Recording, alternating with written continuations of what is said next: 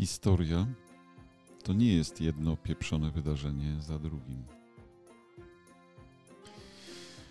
Tak, historia to nie jest pieprzone wydarzenie następujące jedno po drugim.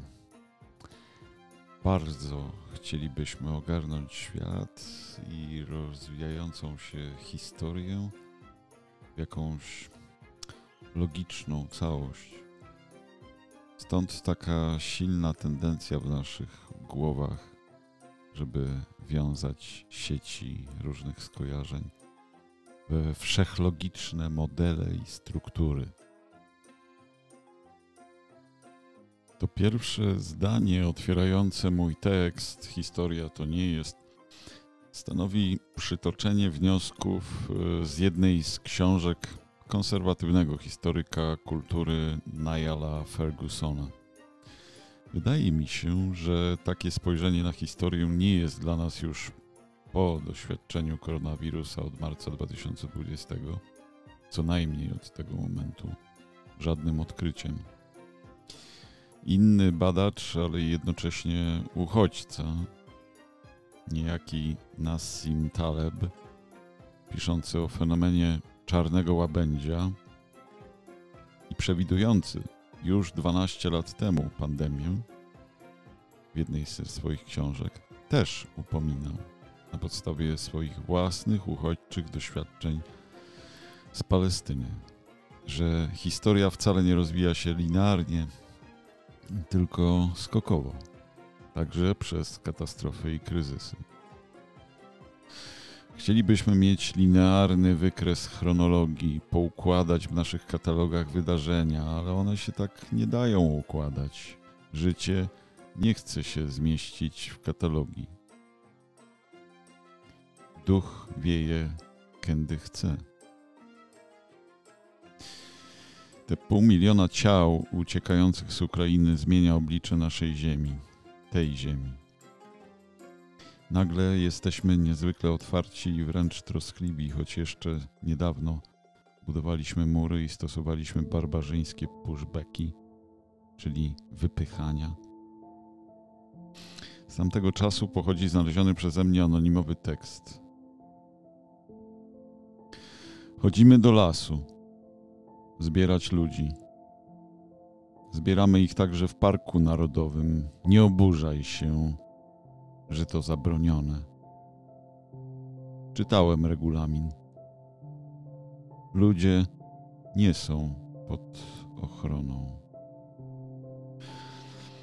Ten tekst y, powstał według zapisów zwiastuna ewangelickiego, piąty numer z 2022 roku. 24 grudnia 2021 roku. To jest niecałe trzy miesiące temu. Dzisiaj Polacy zdają pięknie egzamin z dojrzałości. Jesteśmy solidarni i troskliwi i otwarci.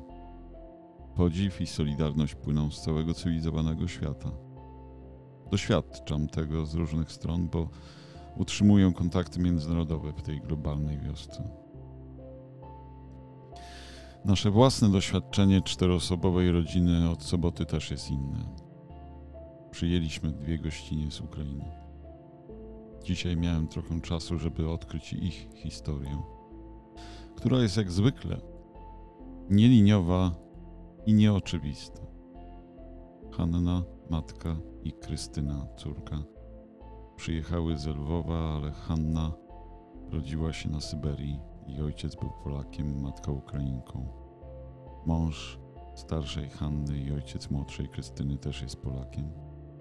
Mówią po ukraińsku i rosyjsku. Nie mówią po polsku. Dogadujemy się jakoś. Hanna jeszcze się wstydzi śpiewać dumki ukraińskie, ale na pewno kiedyś zacznie. Obiecała. Sąsiedzi i znajomi chcą pomagać. Na razie oferują drobne prace.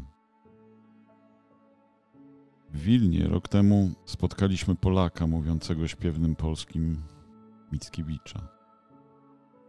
Tego Mickiewicza z Białorusi z żydowskiej matki. Ale teraz wojna. Wojna trojańska opisywana przez epos homerowy pod tytułem Iliada wynikała z naruszenia praw gościnności. Parys porwał Helenę będąc w gościnie u Menelaosa. Gościnność w Polsce zawsze przejawiała się mitologiczno-religijnie przez opowieść o dodatkowym wigilijnym nakryciu, ale też przez starodawne staropolskie powiedzenie gość w dom, Bóg w dom. Jakoś gorzko to powiedzenie smakowało jeszcze w grudniu 2021, trzy miesiące temu, w puszczy. Smakowało paląco obłudnie. Ci ludzie, na razie te niecałe pół miliona, już odmienili oblicze tej ziemi. Jesteśmy ponownie narodem gościnnym, z czego czasami byliśmy słynni. Przyjmujemy gości i gościnie z wschodniej granicy uciekających przed wojną, nazywaną operacją wojskową. Mam nadzieję, że wytrwamy w tych postawach jako społeczeństwo, mimo że przecież potrzebne jest długofalowe nastawienie, nie chwilowe uniesienie entuzjazmu. Ale na razie nastąpił cud. Gość w dom, Bóg w dom. Starym Testamencie też mamy wyobrażenie o gościnności. Wędrowiec może okazać się aniołem. Dlatego nie wolno robić mu krzywdy. Na tym polega sprawiedliwość. Historia to nie jest jedno pieprzone wydarzenie za drugim. Historia to skoki, czasami w nieznane. Nie w pijanym zwidzie. Choć czasami trzeba, jak to się mówi, iść jak w dym. Potem się jakoś wszystko poukłada. Ludzie zaczną uczyć się historii, także własnej polskiej historii. Tak zwana pierwsza Rzeczpospolita była krainą wielonarodową i wielokulturową. Ojcami naszego języka są wywodzący się z niej właśnie Mikołaj Rej i Jan Kochanowski, ale też późniejsi Mickiewicz, ten z Nowogródka na Białorusi, i Słowacki, ten z Krzemieńca na Ukrainie. Aha, Mickiewicz jeszcze pisał Litwo, ojczyzno moja. Przypominam to, bo czasami otwierając się na innych, możemy otwierać się także na siebie, bo najważniejsza sprawa dla jednostkowych filozofii odkryć, że obcy jest w nas. My sami jesteśmy wiecznymi pielgrzymami.